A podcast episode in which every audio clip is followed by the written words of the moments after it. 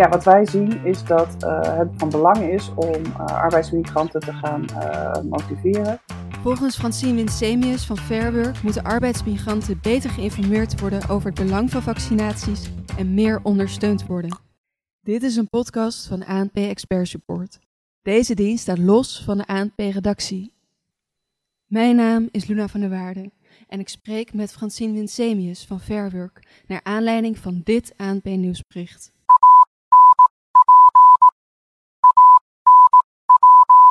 Met hulp van onder meer uitzendbureaus gaat de overheid arbeidsmigranten uitnodigen voor een coronaprik. Er worden nog een paar honderdduizend mensen gezocht van wie geen adresgegevens bekend zijn. Ze zijn dus moeilijk te achterhalen. Iedereen die langer dan een maand in Nederland is, kan een coronavaccin krijgen. Hier te gast Francine Winsemius van Fairwork. Arbeidsmigranten zijn moeilijk te bereiken, maar hoe hoog is die vaccinatiebereidheid nou eigenlijk onder deze groep?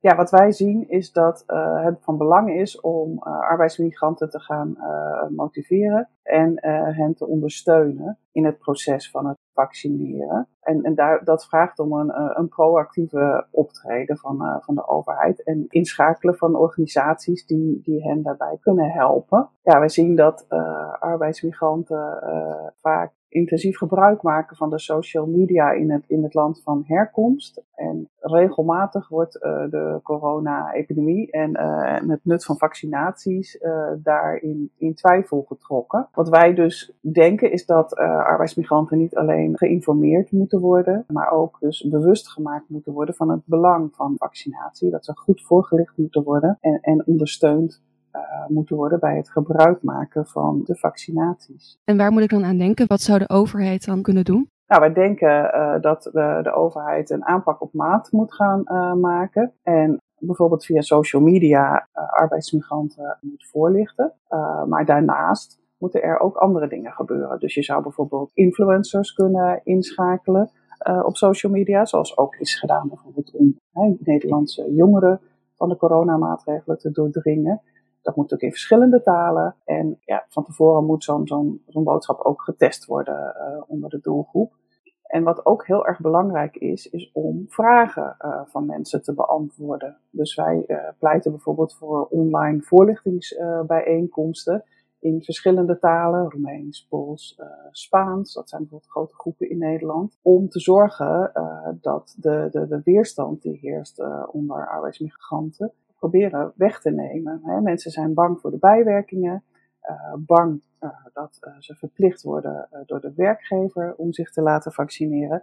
Ehm, dus dat is van, van belang om dat goed te adresseren. En is het niet zo dat een hoop van die arbeidsmigranten vaak vrij jong is? En zouden zij niet logischerwijs pas later aan de beurt komen voor een vaccinatie? als we kijken naar de mensen die bij ons komen met vragen en klachten, dan zien we inderdaad dat voor de mensen die uit de Europese Unie komen, dat, uh, dat het geldt dat zij doorgaans heel erg uh, jong zijn.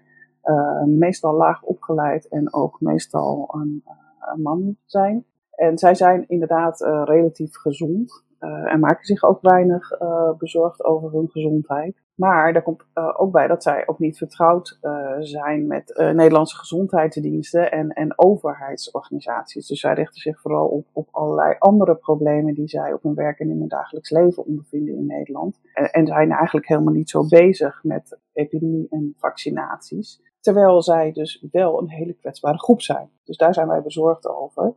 Deze mensen wonen in een huisvesting, uh, vaak uh, hutje-mutje, uh, kunnen daar moeilijk de anderhalve meter afstand bewaren. En zeker niet als ze in een kleine kamer die moeten delen met, met iemand anders die ze niet kennen.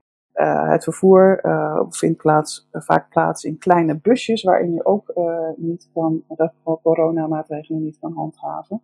en ook op het werk hebben we het afgelopen jaar gezien dat mensen ook geen voldoende afstand konden houden.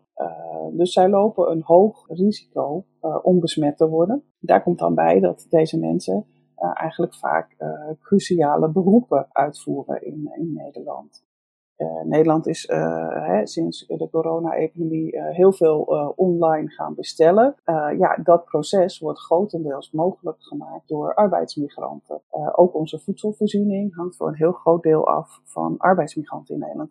Als wij deze processen in Nederland graag soepel willen laten doorlopen, dan, dan zou je dus ook de, de, de jonge mensen snel moeten gaan vaccineren om te zorgen dat die processen niet in gevaar komen. Dus als ik het goed begrijp, is, uh, is het een kwetsbare groep en een groot deel van deze mensen heeft een cruciaal beroep en leeft met veel mensen op een klein oppervlak, maar ze zijn lastig te bereiken en ze spreken waarschijnlijk ook de taal vaak uh, niet. Uh, hoe zouden arbeidsmigranten op een andere manier nog bereikt kunnen worden? Uh, ja, bijvoorbeeld uh, de, de werkgevers kunnen uh, betrokken worden bij het, bij het vinden van arbeidsmigranten. zij weten vaak wel waar mensen verblijven.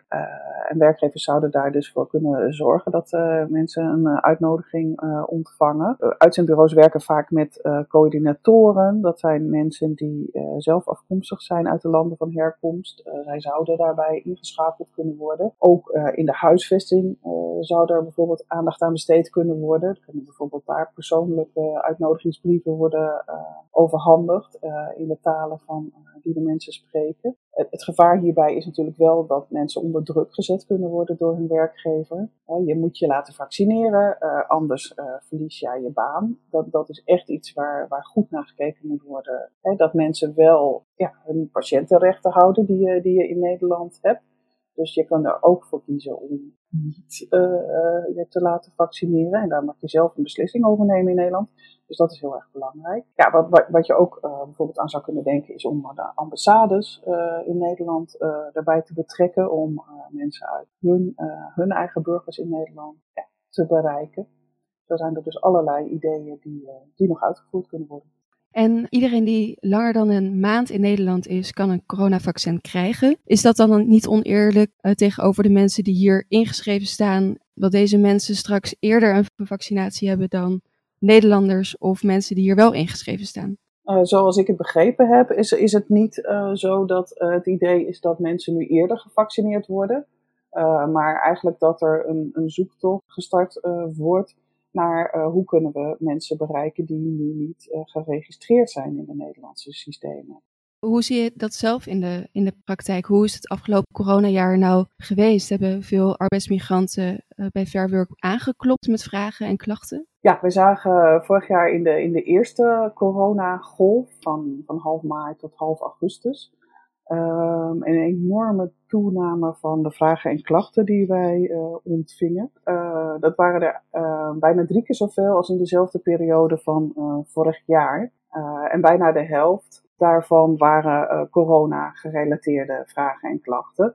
Um, en mensen benaderden ons bijvoorbeeld over problemen met het verlies van werk en inkomen, angst voor coronabesmetting op het werk en tijdens het transport naar het, van en naar het werk en allerlei problemen uh, met huisvesting. Je ziet dat uh, onze, de doelgroep waarvoor wij werken uh, een kwetsbare positie heeft op de arbeidsmarkt. En, en zij kregen daarmee ook extra te maken met de coronaproblemen. en wat een heel opvallend punt was, dat de, de groep ongedocumenteerde arbeidsmigranten, die wij voor corona heel, ook heel moeilijk konden uh, bereiken, uh, in één klap veel zichtbaarder werden. Uh, omdat zij in een, een ontzettend precaire situatie terechtkwamen. we zagen mensen die, die vaak hun baan verloren zonder enige vorm van, van doorbetaling. ja, waardoor zij moeite hadden om te kunnen eten en drinken en in hun huisvesting te kunnen blijven. En het grote probleem daarvan is dat ze daarmee ook nog kwetsbaarder worden voor allerlei misstanden en, en uitbuiting.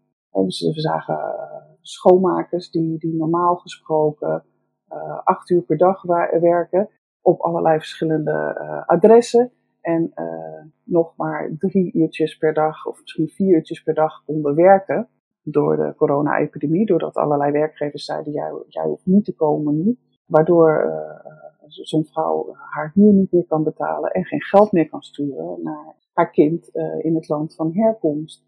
Dat uh, klinkt wel als een behoorlijke impact uh, die deze coronacrisis heeft op de arbeidsmigranten. Ja.